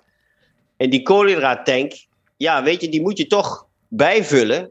Want ja, die zit, die zit niet vanaf de start zo vol dat je daar tot de finish Nee, hè, drie, uur, precies. drie Nee. uur twintig later Ja. nog iets aan hebt. Ja. Nee, die is eh, na anderhalf uur is die zeker leeg ge- gegaan als je niks had gedaan. Gaan we het over hebben binnenkort? Gaan we binnenkort. Laten we nog eh, even twee leuke luisteraarsvragen pakken. En dan moet jij er ook vandoor, eh, Guido. Eh, Ja. Cynthia, die schreef mij eh, via Instagram. Die zegt, eh, ja, ik heb hem ook weer gedaan. Leuke podcast. Ze heeft er ook tips uit meegenomen. Nou, ik ben heel eh, tof om dat te horen, Cynthia. Maar ze zegt, ik kreeg het nu voor de tweede keer, want ze heeft al vaker een marathon gedaan, heel koud vanaf een kilometer of 22. Ook een keer, die andere keer dus blijkbaar, toen het 20 plus graden was, met rillingen gelopen. Ik denk dat ik genoeg drink. Ben benieuwd of er andere oorzaken zijn en wat eraan te doen is. Misschien herkennen meer lopersporters dit en kan het behandeld worden in de slimmer presteren. Nou, bij deze Cynthia. En dan eh, kijk ik maar even naar onze Ja, dat lijkt me ook. Sportarts. Want het waren niet het kippenvel wat je ook eh, Ja, precies. Ik had ook kippenvel, maar vel, maar dat dit- was dit meer van de klinkt wat, eh, serieuzer, ja. ja. Nou ja, kippenvel zegt iets dat je, ehm, als het fysiologisch is, dan heb je het gewoon eh, te veel afkoeling. En Ja. je lichaam gaat die haren overeind zetten Ja. om een, een, een luchtlaagje te creëren, zodat je niet te veel warmte afgeeft. Ja. Nou, dat kan dus zijn dat je, eh, nou ja, je drinkt zeg wel genoeg, maar misschien is jouw kleding zo nat Ja. dat je daardoor heel veel warmte kwijtraakt. Eh, met misschien wind erop geeft dat zoveel afkoeling dat dat meer is dan wat jij tijdens jouw loop produceert. Ja. Dus daarom eigenlijk dat je dat, dat, die- dat kippenvel krijgt. En dan is het meer... Ja, rillingen, een- rillingen schrijft Cynthia ook, hè? Dat ze... nou ja, rillingen is... Kijk, je hebt natuurlijk ook nog zo... Je kunt ook rillingen krijgen als je te heet wordt. Ja. Oh, vertel eens. Nou ja, ja, dan kan best zijn dat het 20 graden zijn Ja, al. als je koorts dat- krijgt, zeg maar. Als je echt die... eh, Ja, dan heb je een soort hyperthermie. Hè? Ja. En inspanning geeft sowieso ver- verhoging van je kerntemperatuur. Maar daar kunnen wij als mensen kunnen we dat best goed ehm, reguleren. Daar hebben we mechanismes voor, zweten, om warmte kwijt te raken. Als dat niet goed gaat, onvoldoende is, dan loopt je kerntemperatuur natuurlijk op. En dan krijg je een te hoge kerntemperatuur. Wat je soort, nou ja, want je, als je ziek bent krijg je koorts. Dan Ja. krijg je ook rillingen. Ja. Dat is een beetje vergelijkbaar daarmee. Dus dat zijn wel dingen. Als je dat krijgt en, en, je, en het, is, ja, het, hoeft niet eens heel heet te zijn, maar dan is het wel een teken dat je denkt: ik moet wel nu rustiger aan gaan doen, want ik word mogelijk te heet. En je zegt dus eigenlijk, Cynthia stelt volgens mij ook de vraag van, hey, herkennen mensen dit? Want heeft dit nog te maken met iets anders? Daar haalt ze dan bijvoorbeeld ook drinken bij, maar je zegt nee, je begint gelijk over het temperatuursysteem. Je bent of te koud ja, of te het warm. kan allebei, weet je, daar heb ik te weinig informatie Nee, begrijp over ik, om begrijp daar iets heel duidelijks over te zeggen. Het kan zijn dat je te veel afkoelt, waardoor je dus die rillingen krijgt. Ja. En dat is een nat shirt aan hebben, dat geeft gewoon ook al eh, te veel afkoeling. Ja. Als dat het niet is, dan kan het natuurlijk ook zijn dat je te heet wordt. Ja. En dat is een beetje het lastige daarbij. Maar dat Nou, verwacht zij- ik zij niet, want die 22 temperatuur was, was niet... Ja, het Nou. was gewoon een fijne temperatuur, maar misschien was ze veel te warm Nee, maar we hebben dan net een paar sponsposten gehad, hè? Ja, Dus ik weet niet, Cynthia, hoe jij omgaat met het water wat Ja. onderweg wordt aangeboden. Maar Ja. daar word je misschien extra nat van. Ja. Dus, Volle emmer doen erover. Ja. Precies. Maar goed, de, de ehm, la- laatste vraag. Cynthia vraagt ook, herken je dat? Guido, herken jij dit bij dat atleten dit tegen jou vertellen? Ja, dat, het, het, niet zo vaak. Maar het zijn wel dingen waarbij je. ehm, nou ja, in ieder geval goed moet kijken. Wat, kan nou, wat is nou de meest waarschijnlijke oorzaak? Is het te, veel afkoeling? Ja. van het lichaam? Of is het te veel opwarming van het lichaam? Dat laatste is eigenlijk gevaarlijker. Want daar heb je gewoon risico's bij als je, dat, als je dan te lang doorgaat. En Ja, maar dan mooi, weet je, dat zie je ook van- zeg maar die slenterende Ja, coördinatiestoornissen en zo. Ja, dan komen we in de, in de hoek van de hitteberoerte uiteindelijk. Hè? Ja. Ja. Ja, Ja, ik weet niet, heeft ze hem uitgelopen verder? Ze heeft hem wel eh, uitgelopen, ah, maar het was wel een flinke strijd, eh, schreef ja. ze. Dus eh, ja, wie weet. Nou, moeten we dieper op in. Maar ik vind het gewoon ook leuk om die interactie mee te nemen. Ja. Ehm, Olivier Struik schreef ook een mooi bericht via Facebook. Beste Gerrit, ik heb gisteren mijn allereerste marathon gelopen op 21-jarige leeftijd. Zie je niet vaak, hè? Jongeren aan de marathon. Wat een super organisatie en ervaring. Ik loop nu zo'n twee jaar met zo'n 30 kilometer in de week gemiddeld. En het afgelopen half jaar volop in de voorbereiding van de marathon gezeten. Gisteren heb ik tot 26 kilometer, oftewel die befaamde Erasmusbrug, heerlijk gelopen. Daarna kwam er met vlagen kramp in mijn bovenbeen. Heel mijn been verkrampte tot en met stilstaan aan toe. Heeft u, oh, Ja. vind ik schattig, hier misschien nog extra tips voor in het vervolg? Ik heb dit nog nooit eerder ervaren en meerdere malen 30 plus kilometers getraind. Dit wil ik nooit meer. Alvast heel erg bedankt. Vriendelijk groet Olivier Struik. En dat, dat refereert wel. Ik heb, ik heb meerdere mensen gesproken die zeiden: Ik heb echt wel meer 30 kilometers gelopen, nooit ergens last van. Ik heb zondag zat de kramp er toch in. ja, ja. ja. Eh, aflevering 35 hebben wij het over kramp gehad. Dat is een probleem. De wetenschap weet niet Nee. goed hoe het werkt. Maar ik kijk toch eerst even naar jou, Guido. Wat is je eerste Ja, reactie ja. als je dit hoort? Nou, die 30 kilometer, dat is vaak. Hè, dat, dat, wil niet zeggen dat je dan dit niet kunt krijgen. Want die 30 kilometer die mensen dan lopen, die lopen ze in een veel rustiger Mhm. tempo dan in die marathon. En wat ik jou heb laten doen is ook wel eens. Hè, nou, niet die 30 kilometer, maar dat je eh, anderhalf uur moest lopen en dan wel het marathontempo moest gaan lopen. Ja. Dus onder vermoeidheid dat tempo lopen. En daar waar je, ben je veel meer aan gewend. En dat is wat vaak ontbreekt. En ehm, dan krijgt zo'n spier eigenlijk, doordat hij zo langdurig met hogere belasting wordt belast, hè, dat hij meer arbeid moet verrichten, dat is op een gegeven moment gewoon te veel voor die spier. En dan krijg je die kramp. is toch En dan kun je wel trainen, zeggen, nou, ik heb het 30 ook. gelopen. Van, eh, hij liep niet heel veel in de week nog. 30 kilometer, nou, gemiddeld. Ja, En dat het toch training eh, blijft trainen. Meer eh, trainen. meer trainen. Eh, misschien in combinatie zelfs met krachttraining. eh, toch die, die spieren sterker krijgen. nou ja, en dus ook zeg maar, als je 30 kilometer wil, gaat lopen in een lange duurloop, dat je na 20 kilometer gewoon 5 kilometer marathontempo Ja. gaat lopen. Ja, en dus in die zin, ook al weten we niet precies waar kramp van ontstaat, wat ik je wel al twee keer in deze aflevering hoor zeggen, Guido, ja, er ontstaat gewoon spierschade door Mhm. zo'n lange belasting. Ja. Oh, oh, niet nu allemaal gezegd, Nee. marathon is ongezond, dat is normaal bij sporten, maar en daardoor gaan uiteindelijk die spieren Ja. wel protesteren. Ja, ja, ja. Weet je, als te veel spierschade eh, optreedt, dan functioneert hè, de spiercontractie niet meer normaal.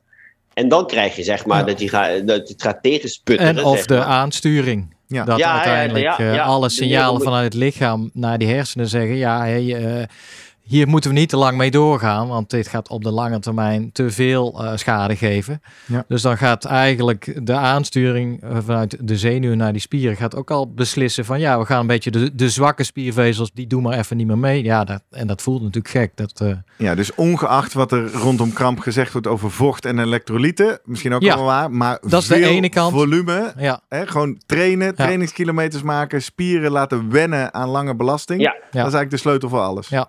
Eigenlijk, ik, de meeste gevallen van kramp gebeuren echt door lokale overbelasting van die spieren. Ja. Dat je iets doet met die spieren wat ze eigenlijk niet goed gewend zijn. Dat is natuurlijk het verhaal van mijn tweede marathon. Ja. Hè? Dat eh, klassiek vraag ging ik opeens eh, ademhalingsoefeningen doen, anderhalf uur lang. Toen zei dat diafragma, de, de, de spier die je long aantrekt, ook, gast, wat is dit? Ik stop Ja, ermee. Ja, krijg Ja. geen lucht meer. Moeten we nog Nienke Brinkman eh Ja, even heel kort. Eh, ja, Guido, Oh ja. eh, als je Ja. weg moet, dan kunnen Jurgen en ik er eventueel ook even, even naar de top kijken. Ehm, ik heb ze ook nog even voor de volledige op de foto. Abdi Ja. winnaar bij de mannen, zagen we inderdaad opvallend. Eh, niet alleen dikke schoenen, maar ook een... eh, een Glucosesensor, daar heb ik nog niks in. Ik heb het nog maar gepost van eh, jongens, eh, wat. eh, ja. i- valt dat iemand op? Mij in ieder geval wel. Ik Ja, heb er een verhaal over geschreven. Ja, Oh, en we hebben een aflevering, ga maar luisteren. Ik heb nergens in de media het überhaupt nog over gehoord. Wel het verhaal wat jij doorstuurde van Ab, die had natuurlijk altijd te maken met weer die vervelende hamstringkrampen. Ja. Die onvoorspelbaar en die dus in New York, waar die, eh, zou, on- ja, dit was, dit zou zijn marathon na Tokio of Sapporo worden. Ja, toen kreeg hij weer die kramp. En eh, ja, goed, hij brengt het als een heel mentaal iets natuurlijk. Maar ik kan me wel voorstellen dat ze gedacht hebben... nou Abdi, we gaan met alle middelen die er nu zijn... inclusief de glucosesensor... waardoor we precies kunnen zien wat er in jouw lichaam gebeurt. En zo is dat met eh Kipchoge ook uiteindelijk gegaan.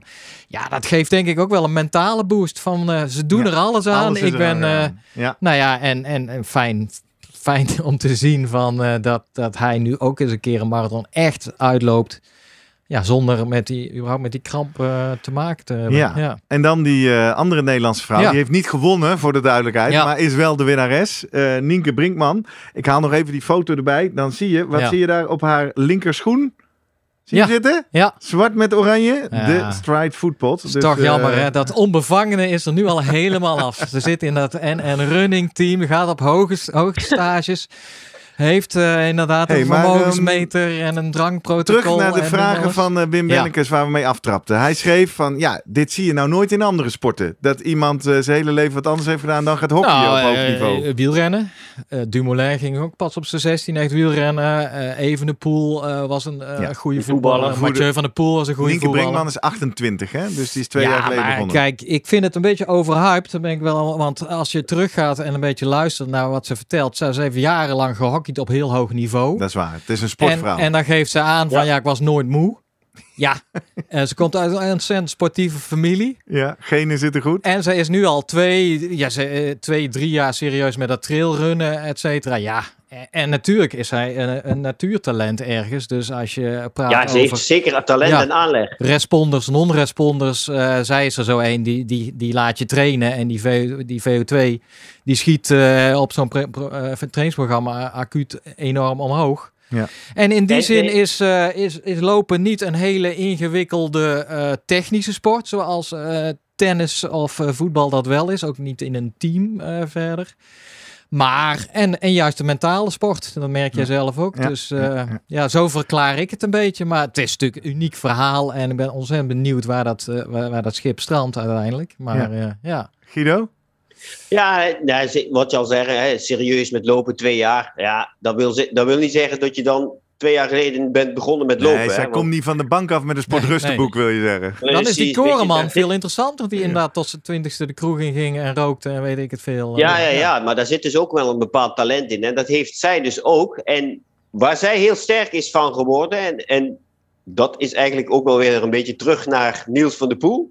Trailrunning, hè, heel veel lopen. En dan gewoon niet een wedstrijd, maar overal, hè, bergje op, bergje af, in de natuur. Dat heeft zij heel veel gedaan. En ja, daar krijg je wel, dat zie je ook aan haar, je krijgt er wel sterke benen van. ja. Ja. En ze is dus heel erg goed belastbaar. Het Ja. bergafrennen is de zwaarste nou ja, vorm van hardlopen. Als je dat goed kunt, dus een beetje rollend naar beneden, en dan, daar krijg je normaal de meeste spierpijn van. Als je dat echt Ja. heel erg vaak gedaan hebt, en daar word je dus heel goed in.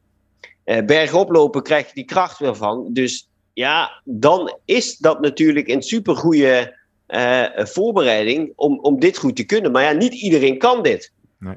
Hè? Dat is natuurlijk ook zo, net als wat Niels van der Poel allemaal gedaan heeft. Dat, kan, dat, moet je, dat is voor hem prima. En wat zij nu doet, dat is voor haar ook dus prima. Ik denk als je haar uit de bergen zou halen en alleen maar, we gaan nu op de baan alleen maar trainen, we gaan je nog steeds sneller maken. Ik denk niet dat het dan heel lang leven beschoren zal Daar zijn. wordt ze ook heel ongelukkig van, eh, Ja. zegt ze. Ja. Ja. Want hier, nu zag je het bij de finish. Het was één en al blijdschap. Het was echt super mooi om te zien. Hey, dus nog een voordeel voor ons, eh, Jurgen, hier op de Utrechtse Heuvelrug. We moeten veel eh Ja. omhoog en omlaag Ja. eh, rennen. Ja, ja, ja, ja, ja. klopt, inderdaad. Ja. Ruitenberg, Hoofd, eh, eh, eh, de, de Amerongse Berg, Leersum, daar. Alles op en af. Nou, En maar op en af blijven gaan. wij gaan eh, zo nog wel even vooruitkijken, Jurgen. Guido, ik weet dat jij weg moet. Ik Ja. heb één laatste vraag aan jou. Hoe kan ik nou de komende maanden... eh, mijn volgende doel wordt een eh, snelle Olympische afstand triathlon eh, in de teamcompetities. Ja, hoe kan ik nou deze aerobe basis gaan omzetten? Wat gaan wij doen de komende maanden? Nou, de eerste ehm, week, misschien wel twee weken, dan is het voor jou alleen een knopje op herstel. Genieten hier van deze prestatie en ehm, ja, een beetje actief bezig blijven voor de lol. Ja. En daarna gaan we zeg maar eh, ehm, wel wat ehm, eh, aan andere knopjes draaien. Ehm, zodat je eh, je aerobe motor, waarschijnlijk weet je, die is nu heel sterk. Dat je dat kan gaan benutten om die anaerobe motor sterker te maken. Zodat je ook af en toe eens even flink hard kunt gaan. Kijk. En hè, dat is met name op de fiets. Vermogenmeter op de fiets. Dus ja, daar kunnen we uitstekende blokjes mee gaan, gaan eh, trainen. Ehm, en bij lopen, ja, die blokjes kende je al, weet je ook. Hè, dus VO2 max blokjes en zo. Ja, dat onderhouden we dan. Ja. Alleen misschien dat je daar je snelheid wat, wat omhoog gaat krikken. Dat hij dan ook echt als een Keniaan blijft lopen bij hoge snelheden. Dat zou natuurlijk helemaal... Ja, nou ja, precies. Dat eerste stuk van de marathon liep hij dat makkelijk. En Ja. dat laatste stuk was het, nou ja, dan was het niet meer echt een Keniaan natuurlijk. Nee. Gewoon een dikke Hollander. Guido, eh, ga snel. Fijn dat je erbij was. Ja. Heel veel Ja. dank voor al je kennis, expertise en begeleiding. Eh, dan draai ik nu een keer om. Dan gaan wij eh, op het einde nog even vooruitkijken. Maar eh, we nemen afscheid van jou. Yo, Dank man. hey Guido. Hoi. Hoi, Hoi, hoi, hoi. hoi, hoi. Ja, Ja, Jurgen, dat was hem dus. dat was hem. Dus, Ik, eh, nou ja, goed. Moeten we de lessen nog even samenvatten? Ja, voor, je- voor de, maar ik denk, iedereen heeft zijn eigen lessen ergens wel. Dat is ook zo. En Ik, vind het eh, wel een mooi, mooi duo in een half jaar. We hadden het van de week, Ja. waren we in voorbereiding op onze live sessie in Groningen. We, gaan, we mogen met de Slimmer Presteren podcast optreden. Je kunt ons boeken, zeggen we altijd. bij eh, de stu- het lustrum van de studenten bewegingswetenschappen in Groningen. Ja. Op eh, 10 mei is dat. Eh, en daar daar daar refereerden we ook aan. Die afleveringen nu samen... Hè, over de beginnersfouten in oktober en nu deze waar het gewoon loopt als een zon. Ja. Dat is een mooie combo. Ik ben ook benieuwd of je... Toen kregen we heel veel reacties. Heel veel herkenbaarheid. Deels Ja. ook. Mensen die met Van die- eigen die tips problemen. komen. En Doe geen experimenten, zeg ik nog maar eens voor de mensen, mensen. nu zullen reageren. Of je net zoveel reacties krijgt. Ja, hey, dit herken ik wel. Of juist van, ah, bedankt voor de tips meer. Of, eh, Ja, nou ja, iets Ja. minder tips. Hè? Ja, gewoon doen, doen wat je eigenlijk al weet. Veel trainen, ja. goed eten. Maar ja, ik zit ook Genieten. te denken van ja, wat is inderdaad de volgende stap voor jou los van een triathlonnen? Wil jij eh, de marathon elk jaar blijven lopen en dan steeds sneller? Of wil je misschien à la Jacomina eh, nog eens... De eh, ultrakant op. Ja, Ja, weet ik niet zo goed. Ik, ik heb daar twee gedachten over. Aan de ene kant denk ik, ik kon natuurlijk me permitteren om de afgelopen drie maanden het werk op een lager Ja. pitje te zetten. Waardoor ik ook heel veel energie en tijd en aandacht had om zoveel te trainen. Ik weet niet nee. of dat een jaarlijks ritueel wordt. Ik verwacht het eigenlijk niet. Dus in die zin waren het natuurlijk ideale omstandigheden. Maar slechts voor drie maanden nog. Dat is. Ik waar. bedoel, eh, En ik moet zeggen, eh, ik vind altijd de Rotterdam Marathon als doel, waar je in oktober, november voor inschrijft, een hele fijne. Want het wordt dan donker, het wordt Ja. dan koud. Het is een goede stok achter de deur om die hele winter door te blijven trainen. Ja. Dus als dat instrument vind ik hem tof. Ja, nou ja, ik durf het bij niet Nee. zeggen, maar ik denk wel. Ik denk sterker ergens ook dat er nog niet alles uitgehaald is. nee. Ik denk dat 315, Ja. sub 315 wel Ja. haalbaar is. jij, wordt gewoon een, jij wordt gewoon een Nienke Brinkman van, eh, Nee, dat word ik van de heuvelrug. Nee, eh. dat word ik nooit. Ik denk, Nee, maar- Kijk, sub drie uur zal het nooit Nee. worden. Dat hebben we vorige week bij de inspanningstest ook gehoord. Dat, dat- zo ver gaan we die VO2 Ja. max ook niet optrekken. Plus ik kan me voorstellen dat je mentaal nu denkt, nou, nu ga ik weer eens lekker zwemmen en, en eh, fietsen en Ja. Nee, ik heb ook wel zin. eh, maar ik ben ook wel van het lopen gaan genieten hoor. ja. Nou, want ik, eh, ik stuurde jou volgens mij de dagen ervoor nog even ehm, het trainingsschema van Kipchoge en, en anderen. Dus die, ja, dat is een leuk artikel verschenen. Eigenlijk hebben ze gewoon gekeken wat werd- zegt alle wetenschappelijke literatuur. Plus we hebben gewoon alle eh, praktische inzichten, hebben ze gewoon bij coaches opgevraagd. Van hoeveel trainen die, eh, ja, De die toppers. toplopers nou? ja. Ja, dan sta je toch wel stijl overal eh, achterover, vind ik. Zijn met fulltime afstanden professionals, van, toch? Ja, 20, 200 kilometer in, in een week snel Oh, rond de 11, 12 sessies per week. Dus dat betekent 's ochtends en 's middags. Ja, en die, maar die doen natuurlijk ook eh, meerdere marathons in een Ja. jaar. Eh, Kijk, weet je, ik, ik had vlak voor de grote pandemic en dat alles op slot Ja. ging, was ik op weg naar mijn eerste halve triathlon. Dat vind ik nog steeds een heel leuk doel. Eh, dat zou ik in Nieuwkoop gaan doen, maar ja, Ja. dat matcht eigenlijk niet met dat teamcompetitiedoel, want dat zit op 25 juni. Olympische afstand snel. Dus nou, daar ga ik niet ook nog een halve bij steken. Eh, wat daar eventueel leuk voor is, een, een, twee weken daarvoor een test-event. Iedereen die het weet. Ja. Sinds deze week, 11 juni 2022, de allereerste officiële Utrechtse Heuvelrug Triathlon. Ja. De inschrijving is geopend. Dus ga even kijken op uhtt.nl. Inschrijven is via de NTB-website. Eh, ik ga er niet meedoen. Ik ook niet, maar, Maar, je eh, komt me wel tegen. ja, jij wordt eh, vrijwilliger. ja. Ik ga speakeren. Hè, iedere- dus eh, ik, als, je, als je eens een keer een leuke triathlon wil doen. Ik denk zelfs als je nog weinig triathlon ervaring hebt, is dit een hele leuke om te beginnen. Ja. Sowieso omdat wij er zijn. We helpen je er doorheen. Het is een kwart afstand. Dat wil zeggen dat je één kilometer zwemt. Een rondje om het eiland van het Henschotenmeer. Prachtig. Zandstrand door, eh, Het door het hele, water. ja, de groenste, De groenste eh, triathlon van Nederland wordt Ja. dit. Dan gaan we fietsen. Dat wordt wel misschien een beetje pittig, want eh, wij zitten hier dus op de Ja, Utrechtse Heuvelrug. Daar hebben we een paar klassieke hellingen. De Ruitenberg, de Hoogstraat. Ja. Die zitten in het parcours een aantal keer. Oeh, dat wordt pittig. en dan eh, lopen ja, door het bos. 10 Ja. kilometer lopen door het bos. Nee, ik heb één keer wel een oefentriathlonnetje, een achtste heb ik toen eh, een jaar geleden of zo in coronatijd. ja. ja, het is gewoon een prachtig parcours. Dus als je dit nu hoort en je bent nieuwsgierig naar triathlon.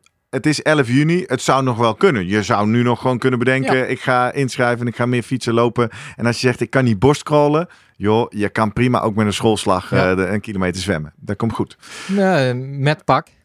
Met of zonder Als pak. dat helpt, hè, daar Ja. gaan we ook maar eens een keer over hebben. want kwamen we van ben de week achter toen we de kennissessie deden bij de Keistad Triathlon. Dat de wetenschap niet helemaal eenduidig is of een zwempak zou helpen. Ja, op puur de, de zwemprestatie. Jeetje, nou, Nou. daar duiken we in. Ja. We hebben veel mooie afleveringen voor de boeg. We gaan eh, de komende weken eh, het hebben over... eh, volgende week hebben we de zwemprofessor, Peter Beek, over Leuk. zwemmen gesproken. Gaan we eens even echt wat praktische zwemtips ophalen. We gaan het hebben over wat is het eigenlijk het effect van sporten op hoogte. Geboren zijn op hoogte. We gaan het hebben over nuchter trainen. Ook natuurlijk een rage, vet verbranden. Jij refereerde er net al even naar. En eh, we gaan ook eens eh, de diepte in op dat eh, magische sportshelletje, sportdrankje Martin. Ja, leuk. En als we dat allemaal gedaan hebben, dan zitten we nog maar heel dichtbij. 21 mei, Event. ons event. Daar moeten we nog even over hebben, zei Ja. jij. Want eh, nou, meer en meer me- mensen melden Ja. zich aan. Mensen die we kennen, mensen die we niet zo goed kennen. Ja. Als je nu niet weet waar we het over hebben, op zaterdag 21 mei nodigen we je uit hier in Leersum, in het eh, theater, in de Binder. Om eh, met ons de honderdste aflevering te vieren en op te nemen. We zeiden vorige week volgens mij, dat wordt natuurlijk ook wel leuk. We gaan er een quiz bij doen. Ja. En we hebben bedacht, na het theater gaan we samen lunchen met Brabantse worstenbroodjes. En dan eh, kun je optioneel mee gaan sporten. Ja.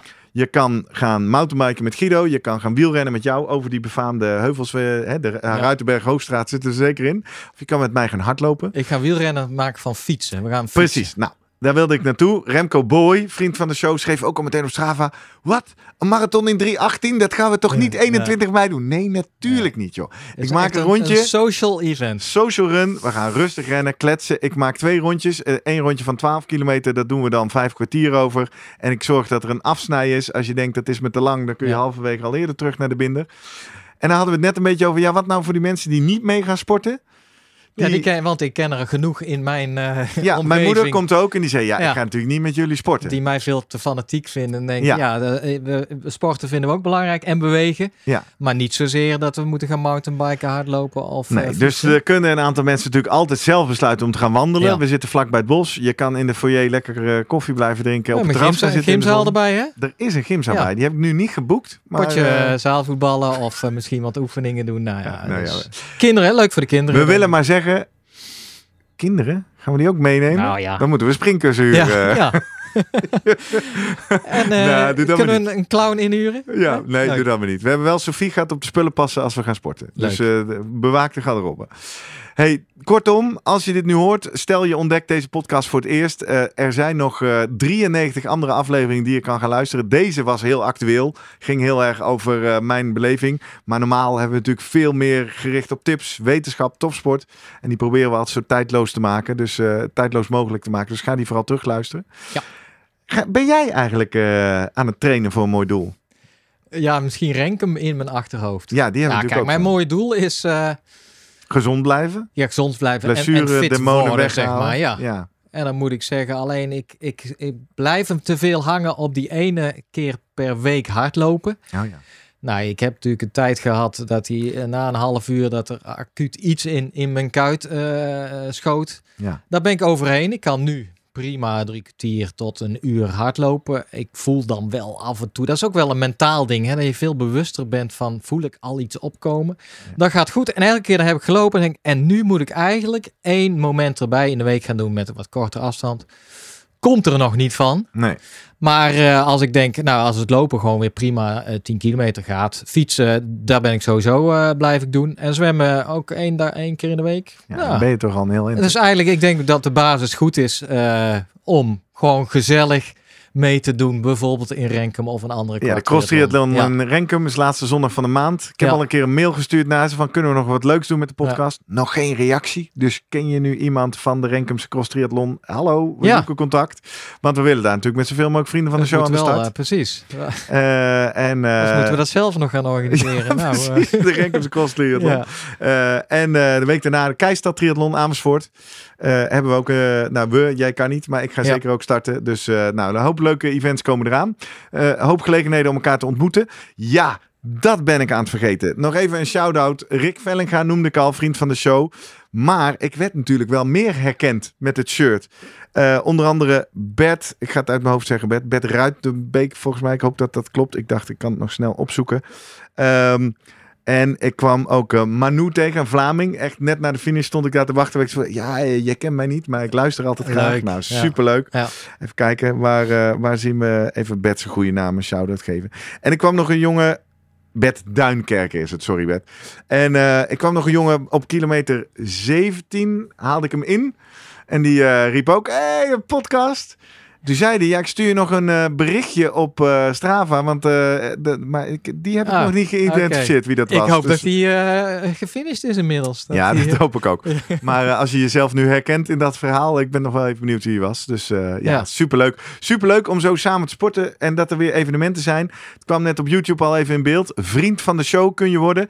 Dan doe je door te gaan naar vriendvandeshow.nl slash slimmerpodcast. En voor de donatie van slechts één kop koffie in de maand ben jij vriend.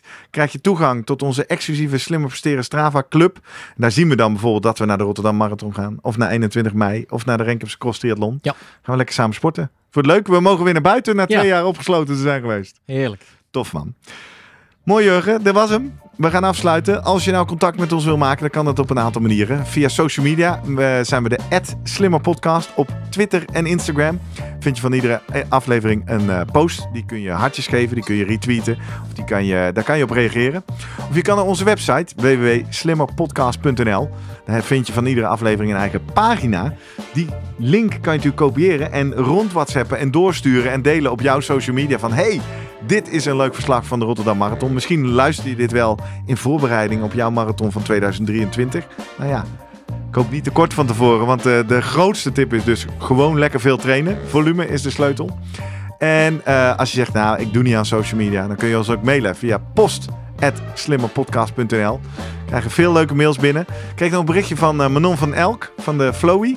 De spijkermat die Ah, we vorige week ja. hebben uitgepakt. Heb je er al op gelegen? Ik heb er zeker op gelegen. Ja, ze zei eh, nog even nabrander.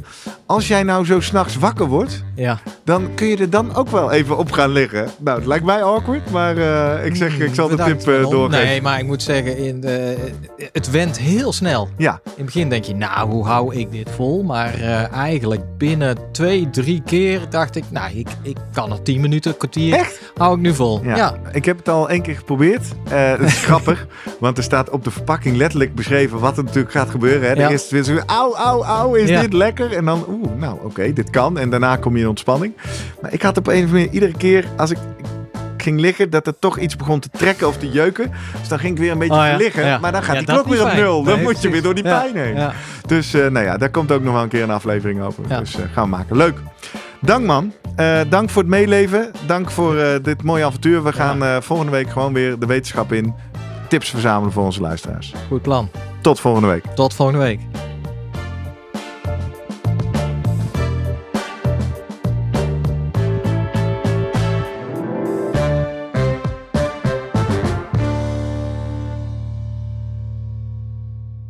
Nog even goed om te weten. Wij ontvangen zowel financiële als materiële ondersteuning van een aantal commerciële partners. Deze partners hebben op geen enkele wijze invloed op de inhoud van onze podcast.